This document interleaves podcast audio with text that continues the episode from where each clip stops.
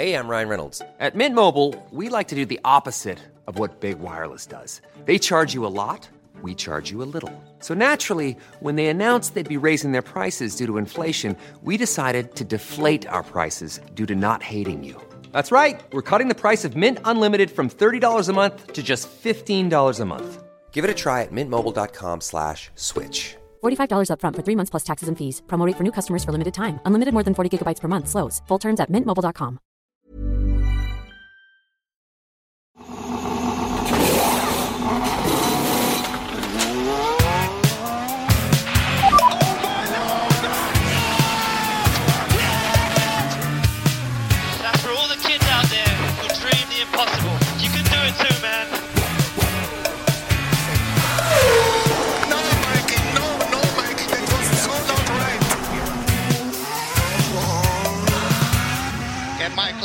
steering wheel.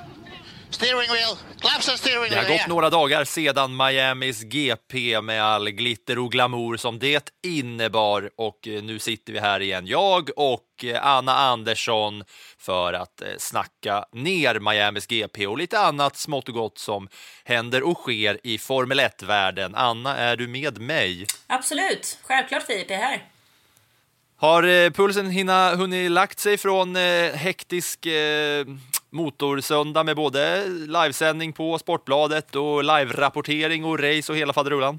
Ja men det tycker jag väl att den gjorde. Det var ju inte ett sånt eh, adrenalinstint lopp eh, egentligen som vi kanske hade förväntat oss utan det var ju ändå rätt eh, bekvämligt kan jag tycka nu i efterhand. Ja, jag tänkte också det när jag, när jag satt och kollade på racet. Jag är ju med dig och lite i live-rapporteringen eh, kanske ska sägas för transparensen att Anna är ju den som om ni är inne och kollar på eh, live-rapportering på Sportbladet där ni har superdata när ni kan se eh, banan och vart alla förare befinner sig och ni kan jämföra head to head och allt sånt där så skriver ju Anna de stora händelserna och sen så ibland kommer det lite så här omröstningar och det kommer lite bilder från sociala medier. Då är det jag som eh, smyger där i bakgrunden. Ja, det kan man väl ändå vara transparent och säga va? Absolut, du håller min rygg fri, så kan vi säga. Ja. Det är helt Ja, omöjligt att hinna med allt. Och när det kommer lite sådana här eh, tokiga omröstningar, då är det jag som har rafsat ihop dem, va? Men det jag skulle säga, det var en lång väg eh, till eh, dit jag skulle komma, var att ja, det var ju ett race som inte var så här super actionladdat och jättemycket händelser. Men när jag går igenom racet nu här igen inför inspelning så märker jag att ja, men det är ju så mycket, det är så mycket små detaljer om man går eh, vägen uppifrån och ner hela vägen. Man stannar och så märker man, fan, Ocon, den ointressanta Ocon är ju liksom, det är ju en snackis och Haas som är, har länge varit sämsta teamet, det är ju en snackis, men det är ju inte bara liksom toppen som är intressant det här året tycker jag. Så jag tycker ändå att det är mycket och eh, mycket grejer som händer. Ja, men absolut, så tyckte jag att det var förra året också. Att egentligen så var ju under många delar av fjolåret, för där var det ju en makalös avslutning, men under många delar så var mittfältet mer intressant än vad täten var. Och lite så tyckte jag jag kände att det var här i Miami också. Att täten, ja visst, tack vare att det blev som det blev med lite gulflagg och sånt där på slutet så, så vart det ju en spännande avslutning. Men det kändes rätt tydligt, rätt tidigt, som att det här var Verstappens helg. Mm. Ja, men eh, så var det ju verkligen och det kommer vi ju snacka mer om. Vi ska säga innan vi går igenom racet, både snabbt i form av en sprintgenomgång och på djupet eh, genom att eh, snacka om alla detaljer.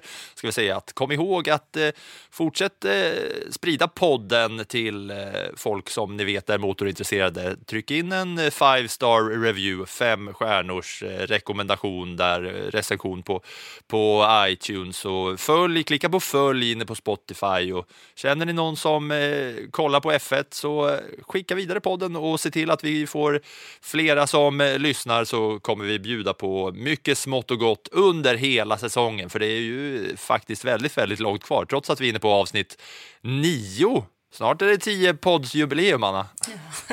Vi gillar att fira, vi firar allt.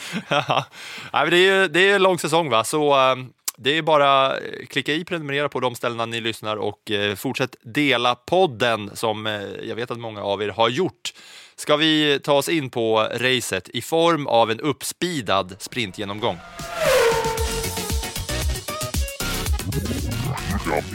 Tom Brady, Michael Jordan, Michelle Obama, Paris Hilton, David Beckham, James Marston, Pharrell, Will I Am, Hailey Steinfeld, Ashton Kutcher, Gabrielle Union, DJ Khaled, Dwayne Wade, systrarna Venus och Serena Williams, James Corden, Post Malone. Ja, det där var alltså en tolftedel av alla supermegakändisar som ville se och ta del av Miamis första Grand Prix någonsin. Och visst fan var det stjärnstatus på jungfrufärden för detta GP direkt va? Fejkmarinan, motorvägen och allt annat runt omkring var någon slags PR-rekord från 0 till 100 på snabbast tid, eller hur?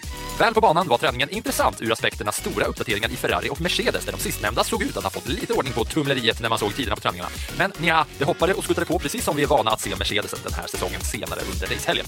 Sainz gick in i väggen på träning 2 och många trodde nog att paniken satt djupt hos spanjacken, men i kvalet lyckades han kniva en andra plats bakom fenomenala Charles Leclerc och framför Red Bull-bilarna med Max Verstappen och Sergio Perez. I starten av racet hade Verstappen fördel av lite bättre asfalt och kunde knycka förbi Sainz redan i den första kurvan och förbi Leclerc på varv 9.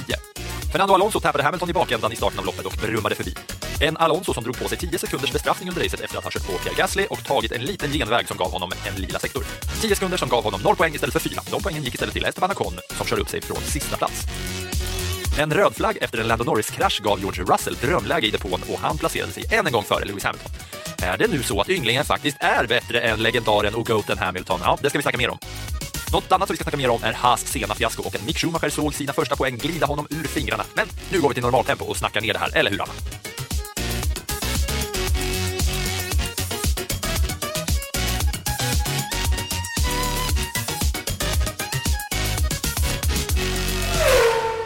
Tycker jag definitivt att vi gör. Normaltempo passar mitt munläder något bättre. Ja, det är bra. Eh, vi bör, ska vi börja i toppen eller? Vad eh, som vi har längst upp och det är ju återigen då Red Bull versus Ferrari, Verstappen versus Leclerc. Det är kanske nästan så att man börjar bli uttråkad av att det är det som händer varje, eh, varje race, men sanningen är ju oss rätt i vitögat här, va, som man säger. Det är ju så det, så det sker. Ja, men det är ju så otroligt jämnt mellan de där två teamen. Alltså det handlar ju om detaljer, det handlar om däckslitage har det ju varit både på Imola och i Miami, att det är det som avgör. Och det som jag tyckte var lite kul den här helgen, det är att det faktiskt var fyra bilar från de här två teamen då med uppe och fightades i toppen. Eh, och det som är väldigt intressant efteråt, eh, ni som såg sändningen hörde ju hur Perez gormade över radion för han tappade effekt. Det var Och han- jättekul. Ja, det tyckte du Ja, men jag, jag, Eh, så här, det var inte kul att han tappade effekt, men det var en jätterolig kommunikation. Där Perez säger I'm losing power man. Och de bara no no keep on going. How, can, how the fuck can you say that? I'm losing power. Faktum är att han tappade 20 kilowatt. Han var supernära att bryta det där racet och det förstod aldrig vi. Men det var så att de eh, hade problem med en sensor som gjorde att de lyckades koppla om det här så att han ly överhuvudtaget lyckades fullfölja racet. För enligt Christian Horner nu i efterhand så var det så att han var alltså, vi pratar minuter ifrån att behöva parkera den där bilen. Och enligt Horner så hade det varit så att hade han inte haft problemen så tror han att Red Bull hade kört in en dubbelseger här. Och det hade ju haft en enorm betydan för VMet i stort.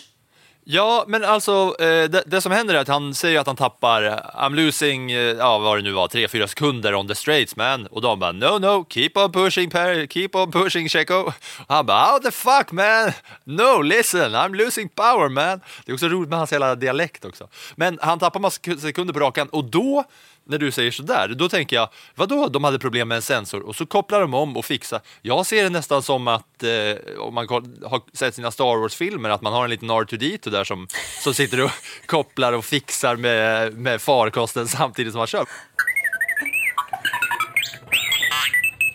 Ändrar de under tiden från depån alltså? Ja, precis. Det är datorstyrt det där. Så de åker, fixar, de kör satt med sin lilla R2D2 i, i, eh, i eh, depån där och fixade till det här. Eh, så de kunde lösa problemet och komma runt det. Eller lösa problemet kunde de ju inte för han vart ju av med den här tiden. Men de kunde komma runt problemet så att han i alla fall inte behövde bryta racet. Så nu tittar då Red Bull och Honda på detta eh, För att få se vad den här sensorn som påverkar en av cylindrarna, vad det är som, som ställde till det så att de slipper problemen med det där som vi brukar kalla för Tillförlitlighet. Precis. Vad heter det på tyska?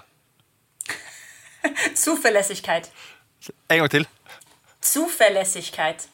Zuverlässigkeit. Genau. Det ska jag säga nästa gång. Jag ska öva till nästa gång Ja, det dyker eh, upp. Med tanke på uttalet så är det nästan lika bra som ditt italienska. Så att, eh, Formula 1 Rolex Grand Premio del Made in Italy e del Emilia Romagna 2022. Ja, tack. Nej, men jag vet, italienska uttal har jag övat mycket på. Men eh, det känns ju som att Red Bull är, fra, liksom, de är fartfyllda men fragila. För, för kollar man på Verstappen också så antingen vinner han eller så, går han in, så, så kör han inte slutloppet.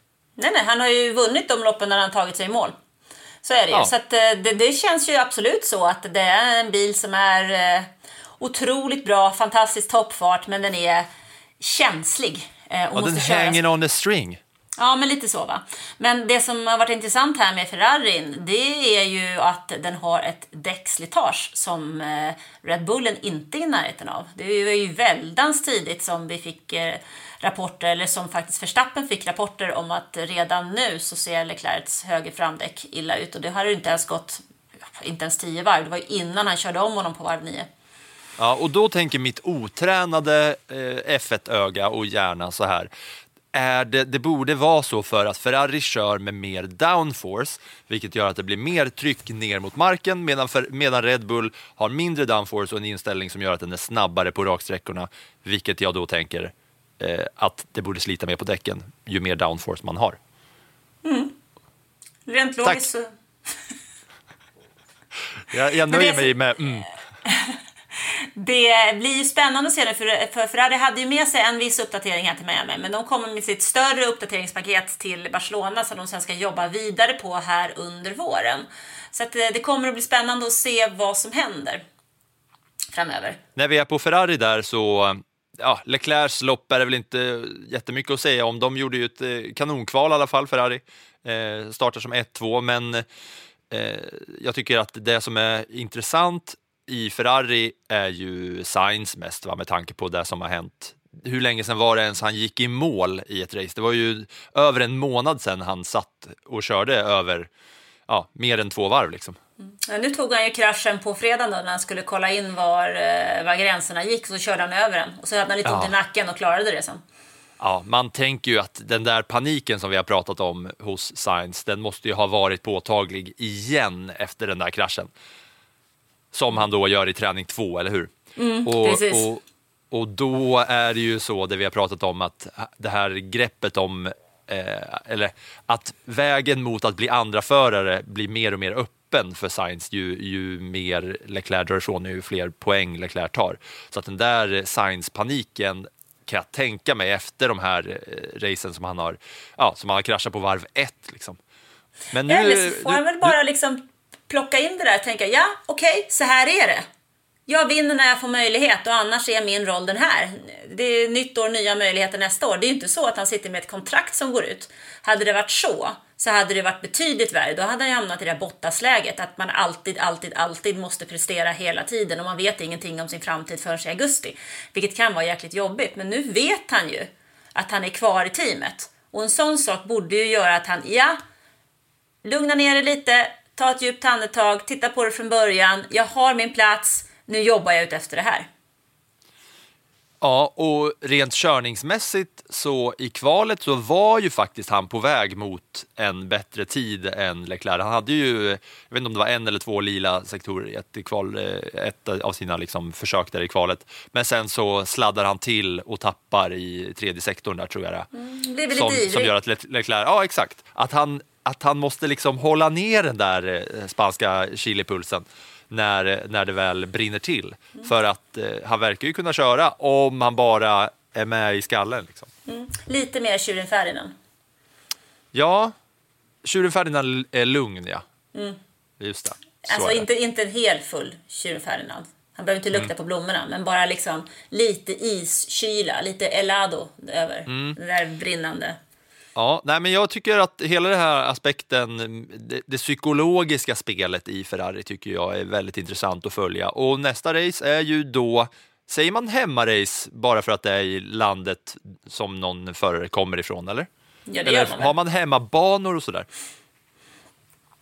Alltså det är väl lite olika. Ehm, det är många som tycker att Verstappens hemmabana även i Belgien, eftersom han har rötter där också, ehm, fast hem, han, är, han kör för Nederländerna. Och sen säger man ju att det är Silverstone är ju Mercedes hemmabana därför att de har fabriken där. Eh, Men när de körde med tyska förare, ja då är det ju en bana i Tyskland som är hemma. Så de är väl hemma lite överallt om man känner sig hemma kan jag tänka. Så man kan säga att eh, nästa race som är i Barcelona är hemmabana för både Alonso och för Sainz. Absolut. Ska vi lämna de två bästa teamen och ta oss till det tredje då bästa teamet? För där, har det ju, eh, där var det ju en del snackisar i Miami GP. Återigen så blir Russell bättre placerad än Hamilton. Och denna gång efter att Hamilton faktiskt kvalade ut Russell, vilket inte eh, har varit vanligt den här säsongen, för det är ju Russell som har kört snabbare än, än Hamilton. Men den här gången så var Hamilton, ja, han var väl lite spydig och lite oförskämd och lite svinaktig på radion mot, mot sitt team. Återigen efter att Russell hade visat lite kyla och eh, hade tajmade, tajmade in, man får väl välja att säga om det var tur eller timing med Russell och sitt eh, depåstopp under eh, gul flagg. Men vi kan gå tillbaka och kika på fredagen trivdes ju Russell kanonbra i sin bil. På lördagen så hade han noll förtroende för bilen överhuvudtaget och han visste inte vad han kunde förvänta sig av bilen. Han visste inte var den skulle ta vägen och då vågade ju inte han satsa och gör ett sämre kval och han startar 12. Fördelen med det kvalet är ju att när han startar där nere så vågar han gå på hårda däck. Det tappar lite i början för de är sämre i starten. Men i det långa loppet så är ju det en av nycklarna till att han tar sig så långt upp som han gör. Hamilton tappar också lite i starten, men kommer igen. Han går på sina mediumdäck. Sen gör han sitt depåstopp. Medan Russell inte gör sitt. För när det är dags för honom så säger han nej men däcken funkar fortfarande så bra så jag hänger kvar, jag vill vänta och se. Ja, för, de var ju, för teamet var ju sugna på att ta in han och han säger han bara, "Ja, men fan ska vi inte bara ta det lite lugnt här, sitta lugnt i båten och det kanske blir gul flagg eller safety car.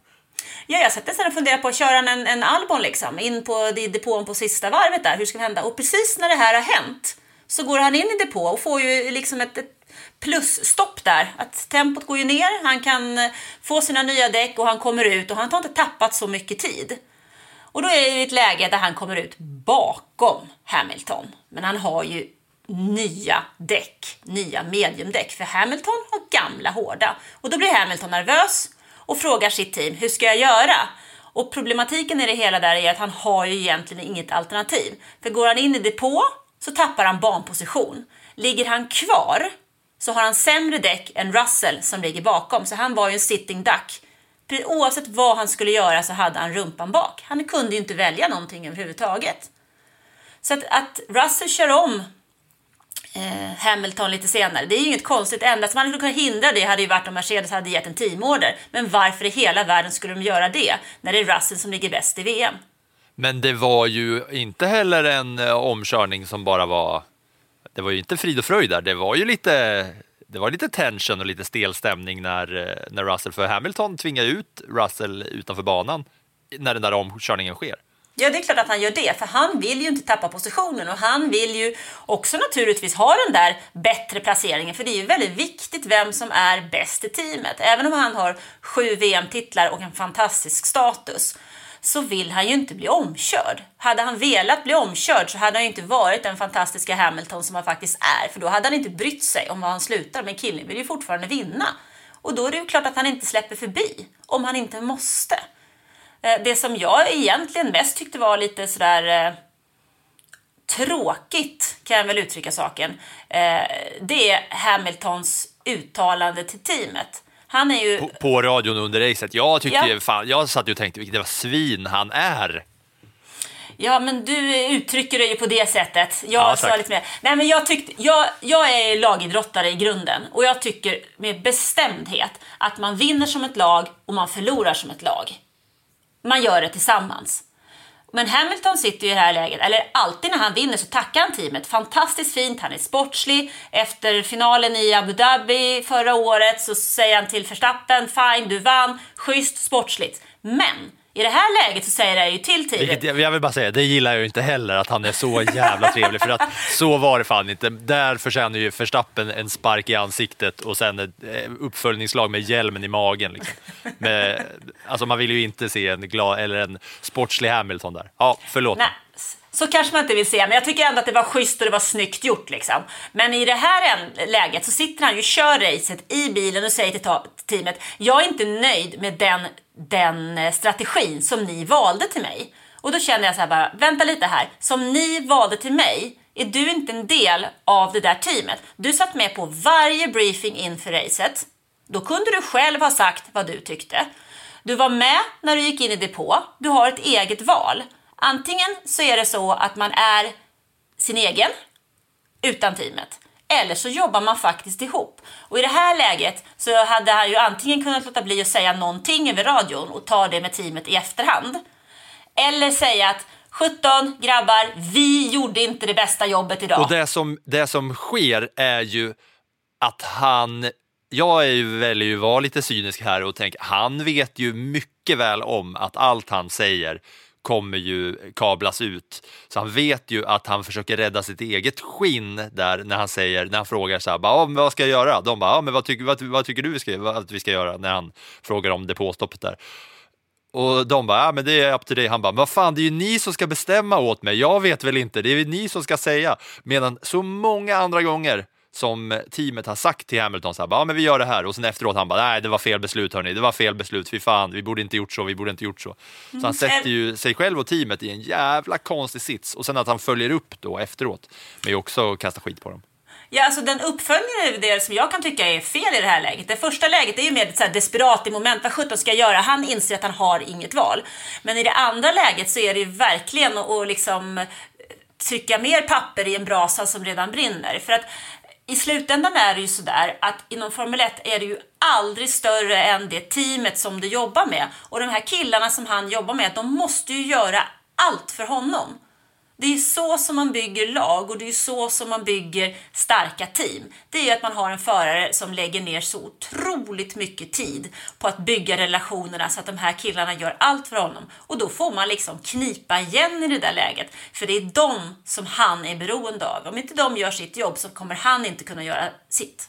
Mm, och det är ju en eh, lite halvknivig situation som, eh, som han är där i nu. Jag tror ju kanske att det där förra årets eh, förlust är en större törn i honom än vad man först kanske trodde. Jag tror att eh, det, där har, eh, det där har satt sig hos eh, Hamilton och nu med tanke på hur det ser ut i Mercedes, att Russell gång på gång placerar sig över och ligger, ligger liksom, alltså med tanke på omständigheterna, Russell ligger ju bra till i totalen med tanke på hur bilen faktiskt har eh, sett ut för eh, Mercedes. Så man börjar ju tänka så här, ja, fan, det mentala spelar ju väldigt stor roll också. Russell visar ju, det är ju inte bara tur att han sitter, för han får ju, han får ju frågan från teamet, ska vi gå in nu liksom? Och då säger han, nej men fan, han skulle ju bara kunna lyda och åka in och byta däck där, men så säger han, nej, fan, vi kör, vi kör på, det kan ju vara så att det kommer en säkerhetsbil och då, eh, då vinner vi på det. Det är ju någon slags eh, säkerhet och skicklighet i, i det också som Russell gör. Så fan, nu börjar, nu börjar man höja sina fingrar här. Är det kanske så att George Russell är en bättre förare än Lewis Hamilton nu när han väl får komma in i bilen och när han liksom gång på gång placerar sig över. Kan det vara så att the GOAT Hamilton håller på att tappa det och, och eh, tappar dedication och ju mer man då tappar desto mer tappar man eh, när jag tänker då. Så fan, ja, jag vet inte fan om Russell kanske är bättre än Hamilton. Ja, det där är en otroligt svår fråga. Jag tycker ju att Lewis Hamilton är en fantastiskt duktig Formel 1-förare och han har gjort ja, han har gjort väldigt många saker väldigt bra och jag var faktiskt impad när han gick tillbaks efter Eh, Nico Rosbergs seger där 2016 och gjorde en så pass bra säsong 2017.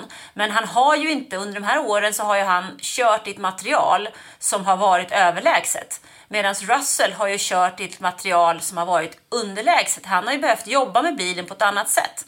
Och det är ju mycket möjligt att när de nu har en bil som är betydligt tuffare att hantera, som inte är självgående, att Russell kanske har en fördel och en glädje av de här hundhåren, som, hundåren, inte hundhåren, som han har gjort i Williams.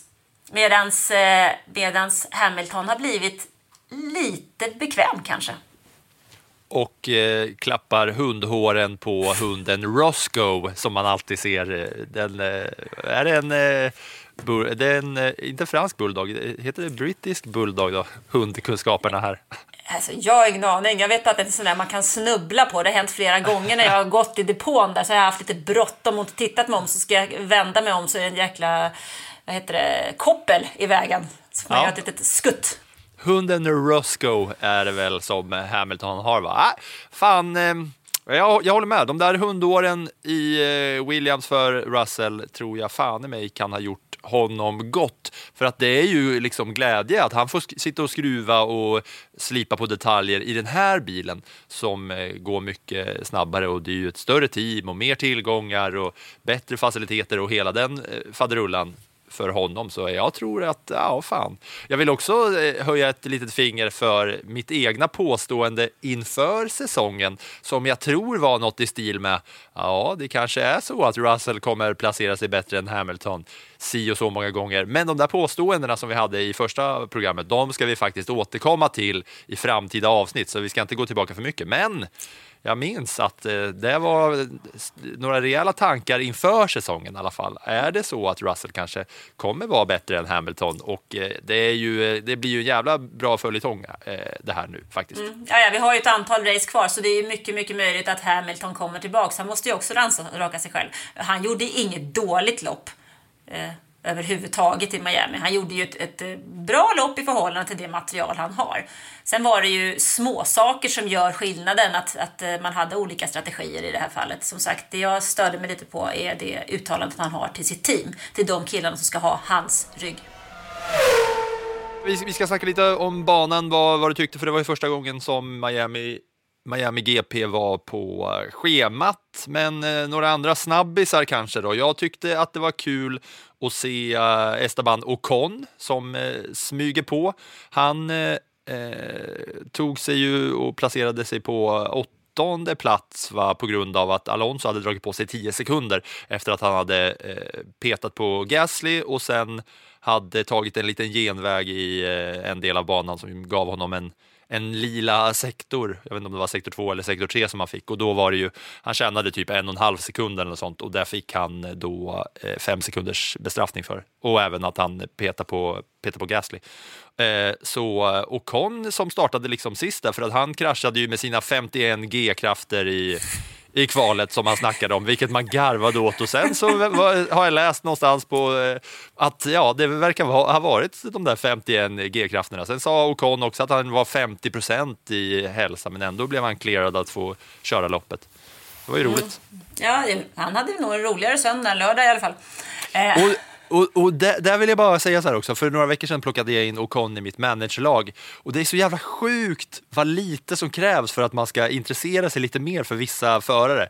Bara för att jag tog in Ocon nu och vet att det är inte jättemånga som har Ocon, så jag, jag håller lite på honom nu, liksom, bara för att jag har honom i mitt lag. Det blir liksom kul att, att följa vissa förare, så jag satt där liksom och höll koll på Ocon i början när, när de flesta kikade på hur det gick i toppen mellan Verstappen och Leclerc. Det vill jag bara säga. Jag tyckte det var eh, intressant i alla fall. Han, eh, han gjorde ju fan ett bra race, verkligen smygigt. Och smygigt eh, gjorde ju även eh, Alex Albom. Han, eh, han smyger på som vanligt. ja, han, han smyger verkligen fram till poäng. Det är lite roligt.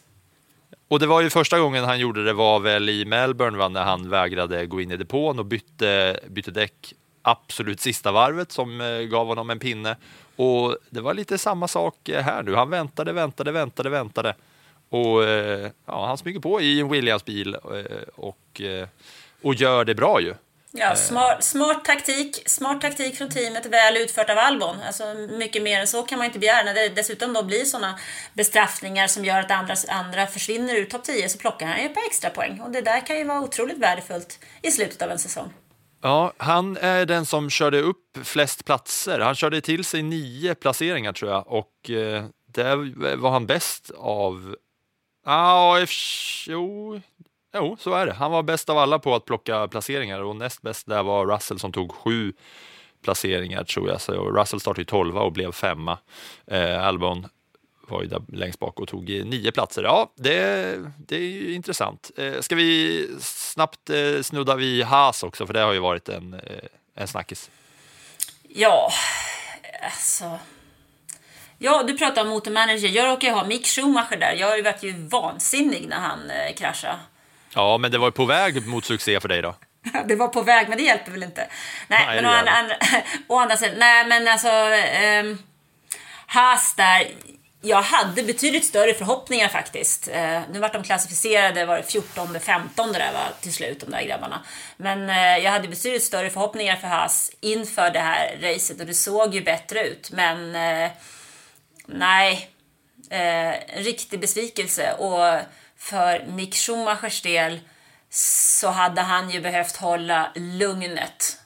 Nu är det ju så att, jag vet inte, vi kanske ska ta det redan nu, men den här asfalten ehm, Ja, vänta, innan vi, innan vi tar oss in på asfalten vill jag bara säga att det som hände var ju att Mick Schumacher var på väg att ta sin första poäng någonsin och sen så blir han lite ivrig och kör in i Sebastian Vettel eller om eh, Sebastian Vettel kör in i Schumacher men det gör ju att han inte ens eh, kan ta sig in där va. Nej, precis.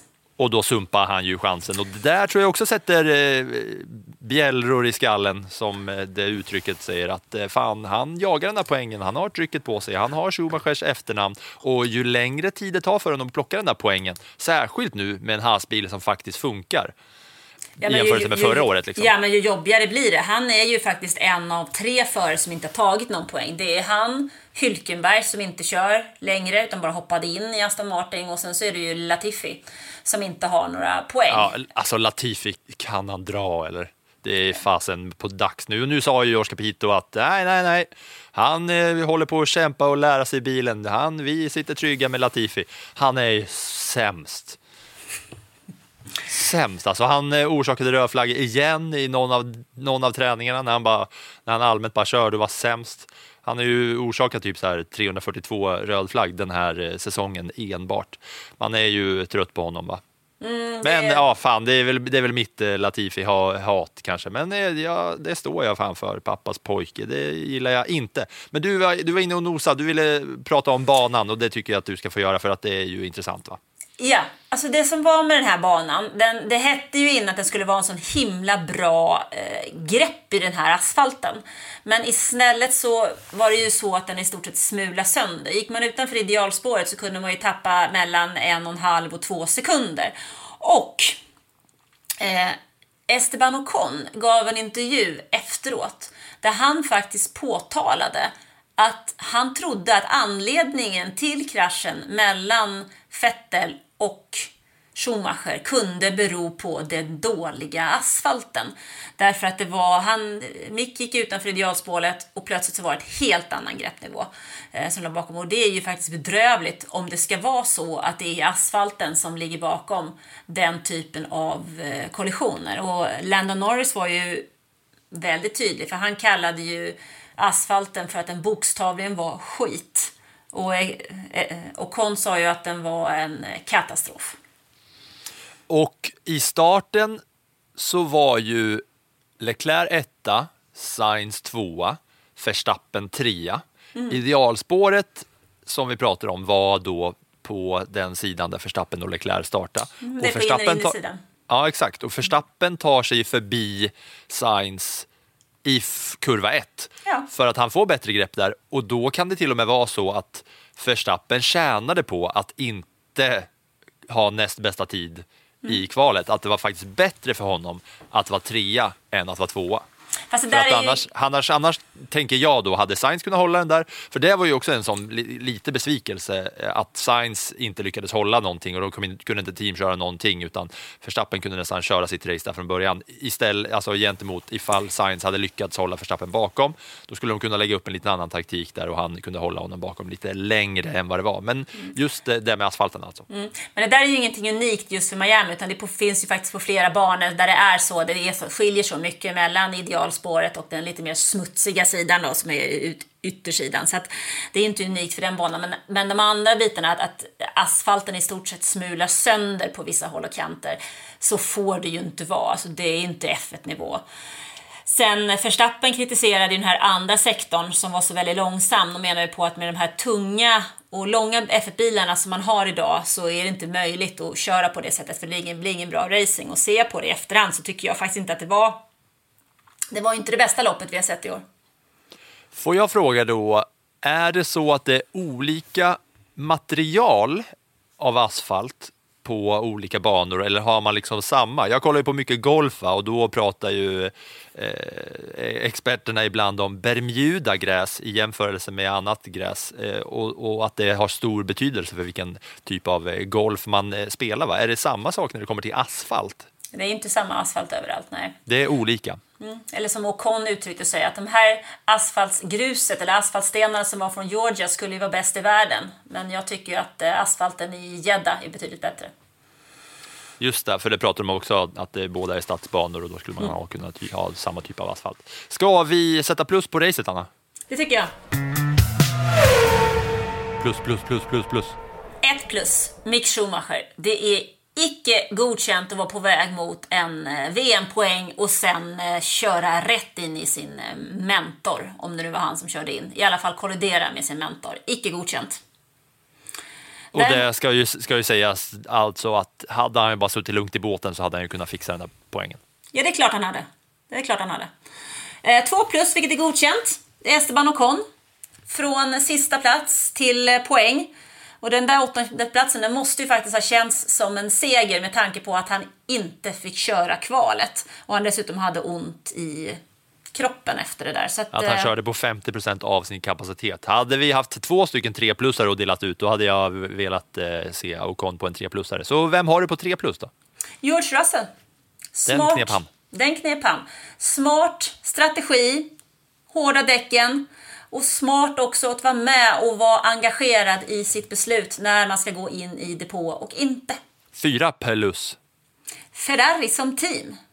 Det är alltså fem stycken lopp in i säsongen och Ferrari leder båda mästerskapen. När hände det senast? Det var inte på sent 2010-tal i alla fall kan jag säga. Och eh, fem plus då, maxpoäng till. Max poäng till Max. Alltså nu en seger till. Han är mindre än 20 poäng efter Leclerc när F1 nu kommer till Europa. Och eh, efter att ha brutit två race och nollat så är väl det mer än godkänt. Eh, han gjorde en bra avvägd omkörning av Leclerc. Han tog eh, första placeringen, eller tog en placering upp till plats två redan i starten, precis som vi pratade om. Han var tydlig mot teamet. Teamet var tydligt mot honom och upplyste honom om att eh, det kommer att bli trassel för Leclerc på hans högra framdäck. Han tog emot informationen, omsatte den och gjorde den snyggt smidigt. Och även om han eh, kunde upplevas lite hotad i slutet så kändes det inte som att Leclerc var något reellt hot egentligen. Ja, det var ju en gång där efter säkerhetsbilen när, när fältet blev samlat och, och Leclerc gav den chans när han låg inom DRS-avstånd och, och pushade på ordentligt. Men sen såg vi ganska snabbt efter så var han helt plötsligt 3, 4, 5, 6 sekunder bakom. Jo, men gav det en chans. Liksom. Det, var en, det kändes ändå, även om Leclerc var där och nosade så kändes det som att Verstappen hade det hela under kontroll. Jag hade nog blivit överraskad om Leclerc hade gått om honom. Motorstopp! Asfalten var i hela världen. Alltså, det får inte vara på det där sättet. Att det alltså är så pass mycket bättre att man måste hålla sig på exakt ett spår. eh, Det är det som du är kritisk mot alltså? Ja, alltså det måste ju vara så att du ska kunna använda hela banan. Hur ska vi annars få omkörningar om det inte går att gå ut i, vid sidan av idealspåret och köra om? Det måste ju vara så. Ska vi få en racing så måste det vara möjligt för förarna att racea. Och det är det ju inte om man bara kan ligga i tåg. Det var alltså Annas plus. Nu tar vi oss vidare i eh, dagens eh, poddprogram och tar oss vidare till eh, lite andra nyheter och snackisar.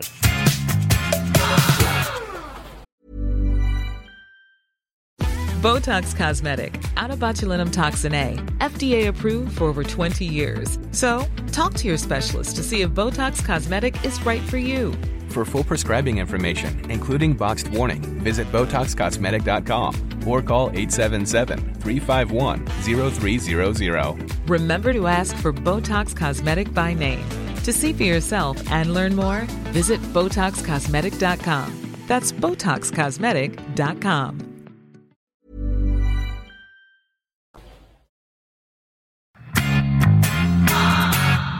Det har ju hänt lite, lite, lite, lite i samband med eh, Miami GP som vi faktiskt måste snudda vid. En sak som jag nämnde i sprintgenomgången var ju stjärnglansen runt om det här första Grand Prix och alla kändisar som syntes där på eh, fake-marinan eh, och i krokarna av Miamis GP.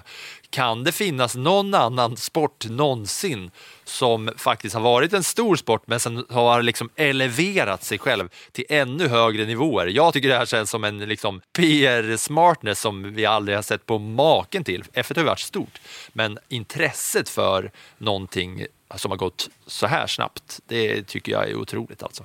Mm, ja, det är, tack Drive to Survive, det är väl där i det ligger. Men det kändes ju lite som, det finns ett uttryck på tyska som är rätt skönt som heter... De gillar jag alltid. Ja, det gör det va. Eh, sehen und gesehen werden. Alltså att synas och bli eh, sedd samtidigt som man ser andra. Tydligt, eh, tydligt ordspråk. Ja, men, i det, här, nej, men i, det här, i det här läget så kändes det väldigt så, som att det var väldigt många kändisar som var där för att synas, men också se andra.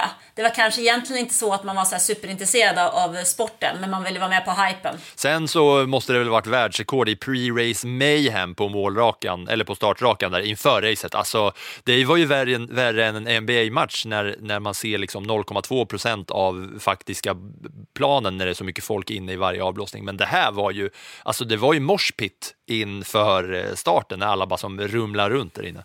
Ja, det var ju lite sådär eh, så som man eh, trodde att det var när det var kaos före pandemin och nu var det ännu värre. Man, liksom, man blev helt chockad liksom över att folk får vara så där nära.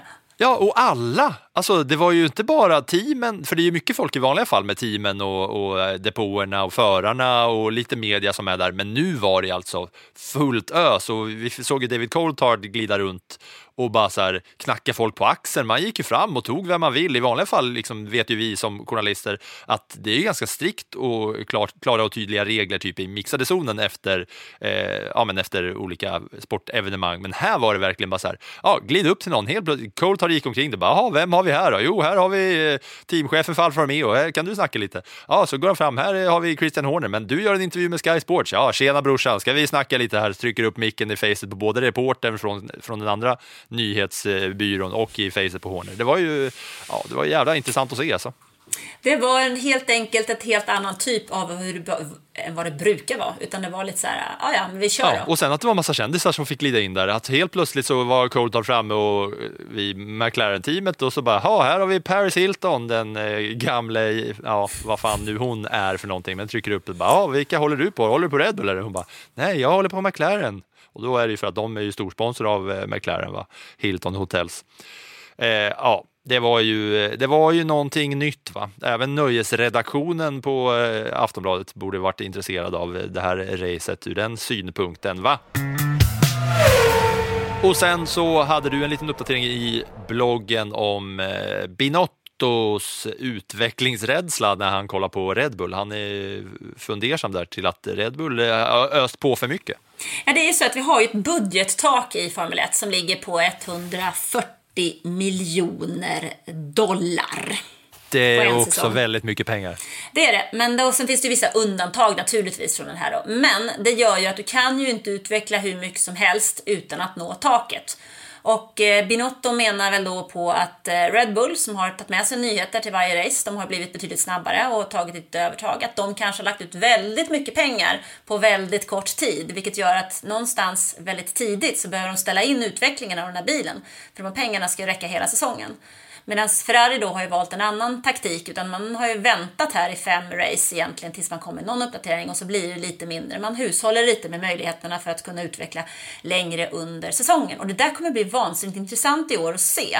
Vad händer med utvecklingen av bilarna när vi är framme i oktober? Det är ungefär en månad kvar av säsongen. Normalt sett så är det ju vissa team som ställer in utvecklingen av bilen någonstans under sommaren. Då låter man det vara, för man har ändå inte så mycket att köra för, utan då väntar man och så lägger man fokus på nästa år. Men i fjol till exempel, med den säsongen vi hade, så var ju Mercedes och Red Bull tvungna att utveckla sina bilar under hela säsongen. Och i år när man nu har dragit ner utvecklingstaket eller budgettaket ännu mer än vad man haft tidigare så blir det ju också svårare att eh, hålla sig inom den där budgeten. Så det är väl lite det som är intressant i den här frågan. Eh, och det som han noterar. När han säger sådär så, så är han ju väldigt medveten om vad han säger. Det vill säga, hallå där Red Bull, jag har koll på er.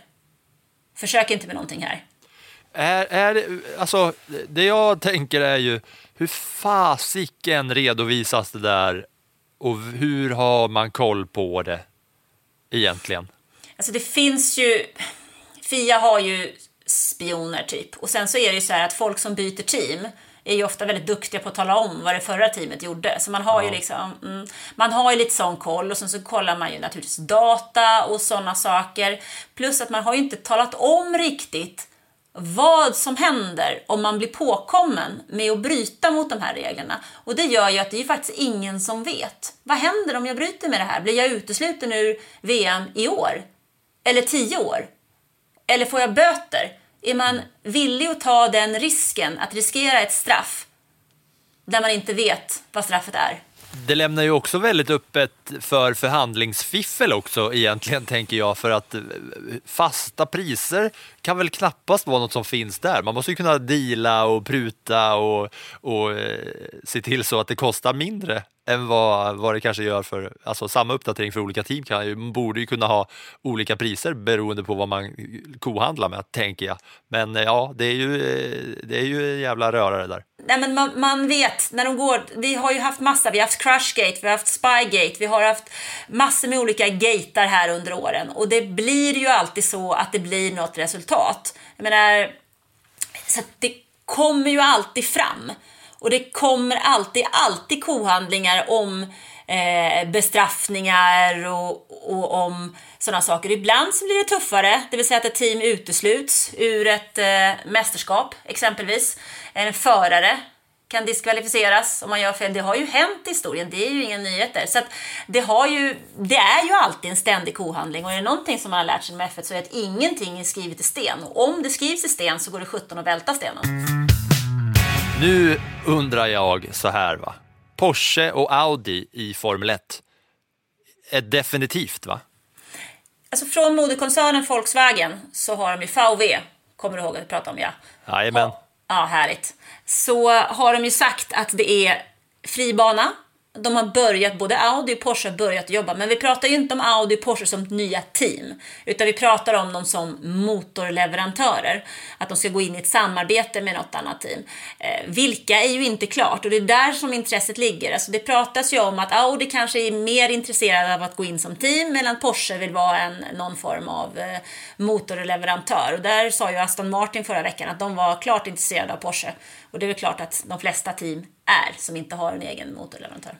Så vi kommer alltså inte få se en bil med Porsche livery så att säga och ett team som heter Porsche. Ja, det skulle ju kunna heta Red Bull Porsche. Det hade ju varit något va? Mm. Men det som jag tyckte var lite intressant, det var ju han, eh, Volkswagens koncernchef Herbert Dies. Han hade en sån här frågestund på Youtube i veckan och då var han tydlig med att hans önskan och han utgår ifrån att han får se två tyska förare i de här två teamen. Alltså ett tyskt företag går ju inte in i Formel 1 utan att vilja ha tyskt. Så gjorde även Mercedes. De började ju faktiskt med två tyska förare, Schumacher och Rosberg, även om man idag har två brittiska förare. Så det är väl inte helt, men problematiken där kommer ju ligga i var man ska hitta de där tyska förarna, för det finns ta mig sjutton inte så många. Dröm och drömrubrikerna och drömuppsättningen är ju mentorn och lärjungen Fettel och Schumacher, eller? Ja, men titta, tänk till nu. Fettel är väl född 87, va? Det känns ungt. Ja, det, är men... nästan som jag. det är nästan som jag. Jag mm. tänker att han är så vis och gammal och sådär, men han är ju fan, han varit ute och, och svinga på krogen samma tid, tider som jag gjorde det i min ungdom. Va? Mm. Men då ska de här gå in 2026. Då är han alltså 39. Är det troligt? Ja, det är ju en ålder som man brukar förknippa med retirement va? Ja, något år kanske det kan bli liksom. Eh, Schumacher däremot är betydligt yngre, men bakom Schumacher finns det inte så himlans mycket, för de har inte någon ordinarie förare, vare sig Formel 2 eller Formel 3. Eh, de har Pascal Wehrlein som har kört F1 förut, som kör Formel E numera. Och jag menar superinhopparen Hylken- Hylkenberg, han kommer ju vara, Hulken kommer ju ha tappat all sin kraft till dess. Så att eh, det där blir, det, det är en intressant fråga att eh, se hur tänker de lösa den där biten för alla kan ju inte leva på Schumacher och framförallt inte om han eh, fortsätter att krascha in i fetter. Nej, och är så pass förknippad med Ferrari också då, tänker jag, som kanske har en blick mot honom i framtiden långt framöver. Men eh, det, förarna, det behöver ju inte offentliggöras förrän det verkligen, verkligen, verkligen är dags, va? eller hur? Nej, absolut inte. Men jag tänker mest, tittar man, det som jag slog, slog mig, att tittar vi tillbaks hur det ser ut i klasserna under så finns det inte någon tysk där som, som är ordinarie. Och eh, 2026 är bara fyra år bort. Det går snabbare än man tror. Det som också går snabbare än man tror, det är i tiden i den här eh, podden. Vi måste ta oss vidare till Svenskkollen och Backspegeln som vi har kvar. Så vi börjar med Svenskkollen. Mm, då tycker jag att vi kan applådera rejält åt Dino Beganovic. Då gör vi det. Vår svenska Ferrari Junior alltså. Han utökade sin ledning i Formula Regional European Championships. Han tog en seger och en andra plats i säsongens andra deltävling på Imola och leder alltså mästerskapet. Och i England visade Joel Granfors också bra form för han körde hem karriärens första seger i ett GB3-lopp på Silverstone och han leder också det mästerskapet. Så vi har alltså två svenskar som leder det totala mästerskapet i underorganisationer som är kopplade till Formel 1. Eller? Ja, Förstår jag det rätt då? Eh, I underorganisationer inom formelbilsracingen. Mm, så ska man säga. Det är ju jätteintressant och framförallt extremt kul. Vi fick ju, eh, vi gjorde en liten livesändning, en liten livechatt inför Miami GP på sportbladet.se där man kunde ställa frågor och vi fick faktiskt en hel del frågor om hur det just såg ut på eh, svenskfronten och det är ju härligt att du kan leverera så här positiva och glada nyheter, Anna. Man får väl göra det de dagar man kan, det är inte alla.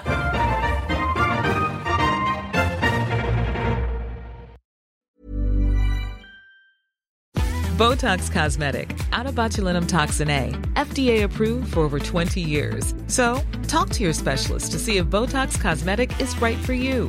For full prescribing information, including boxed warning, visit BotoxCosmetic.com or call 877-351-0300. Remember to ask for Botox Cosmetic by name.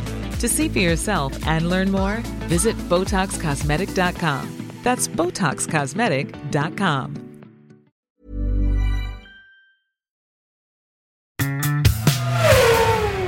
Och det vi har kvar då av dagens avsnitt det är att vi ska få höra berättelsen om de sexhjuliga bilförsöken i Formel 1 som var där det stod på lappen som jag drog förra avsnittet. Och eh, det här tycker jag ska bli väldigt kul för jag har ju bara sett de här bilarna på bild och garvat åt att det är så, ser så kul ut. Men det har alltså körts med bilar med sex hjul i Formel 1 och det ska ni få höra Anna berätta om här i backspegeln.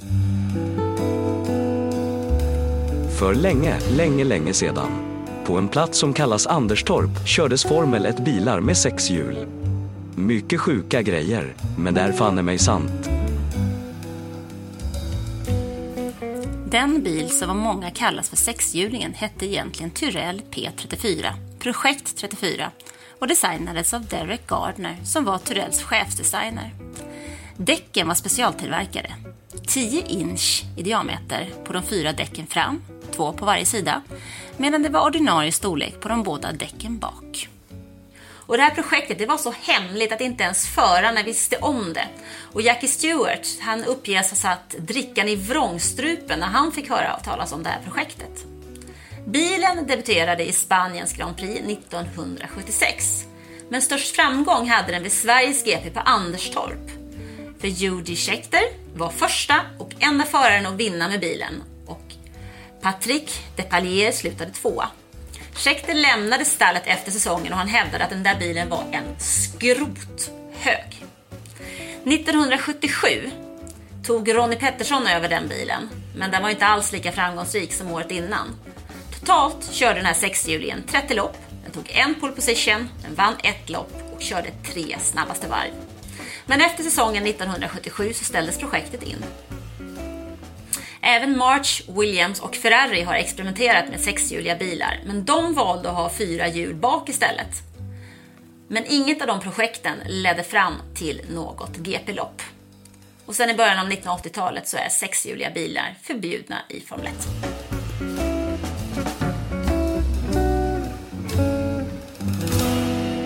Det är ju helt otroligt.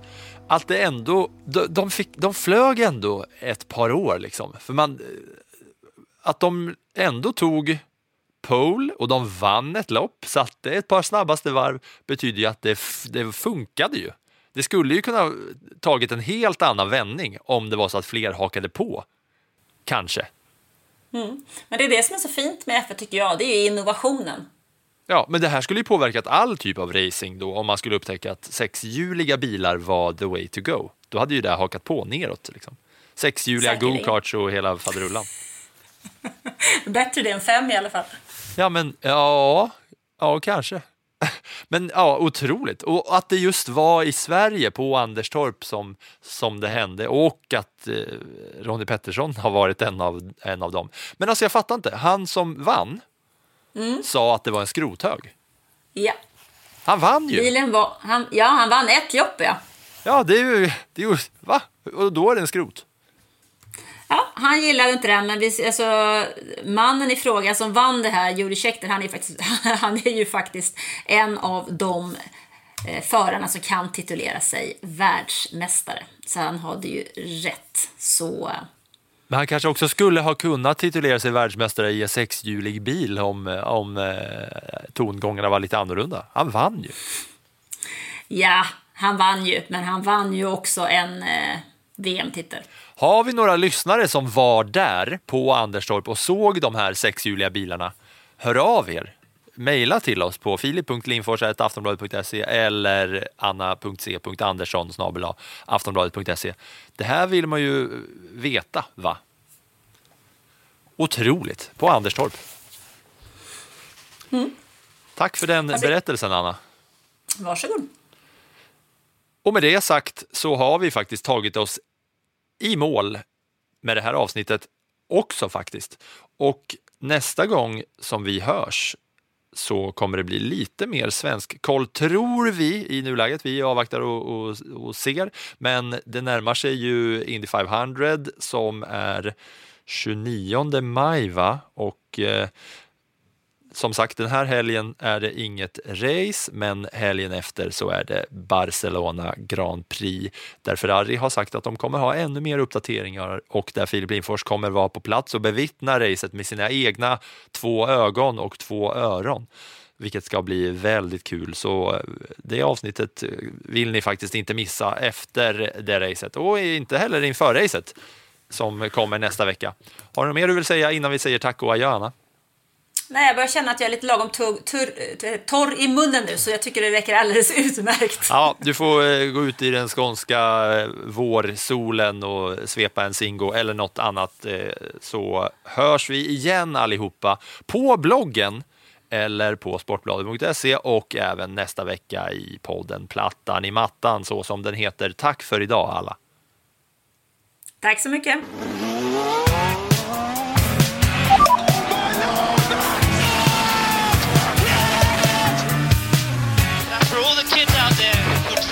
You can do it too, man. No, Mikey, no, no, Mikey, right. and my gloves and steering wheel.